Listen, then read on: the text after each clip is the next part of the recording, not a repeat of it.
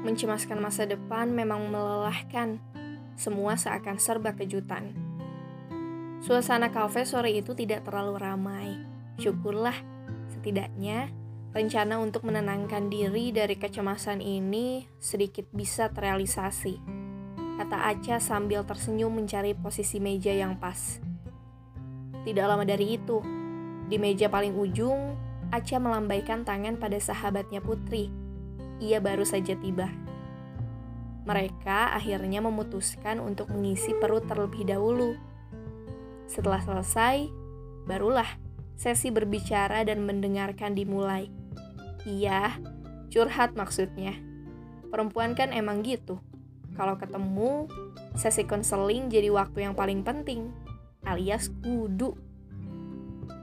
Ceritalah Aca tentang kecemasannya pada fase usia yang udah bukan lagi remaja itu, tentang kekhawatirannya akan masa depan, tentang kesendirian di saat banyak kerabatnya yang udah menggenapkan, tentang perjalanan karirnya yang terus mengalami naik turun, sedang teman-temannya bahkan sudah mencapai ini dan itu. Disadari atau tidak, kita pun pasti pernah merasakan kecemasan yang seperti ini merasakan hari-hari dengan tanya kapan waktu menungguku akan selesai. Untuk itu, mari belajar mengubah kecemasan dengan kembali menguatkan pemahaman bahwa setiap kita memiliki episodenya masing-masing. Ada satu kutipan buku yang sesuai dengan hal ini. Gini katanya, Tak selamanya yang serba cepat itu baik, tak selamanya menunggu itu buruk. Tak selamanya berjuang itu melelahkan. Inilah pentingnya seni kehidupan. Menunggu jadi melelahkan karena tak ada yang dilakukan. Jika kita terus sibuk membekali dan memperbaiki diri, bukankah akan lebih menyenangkan? Begitupun dengan berjuang.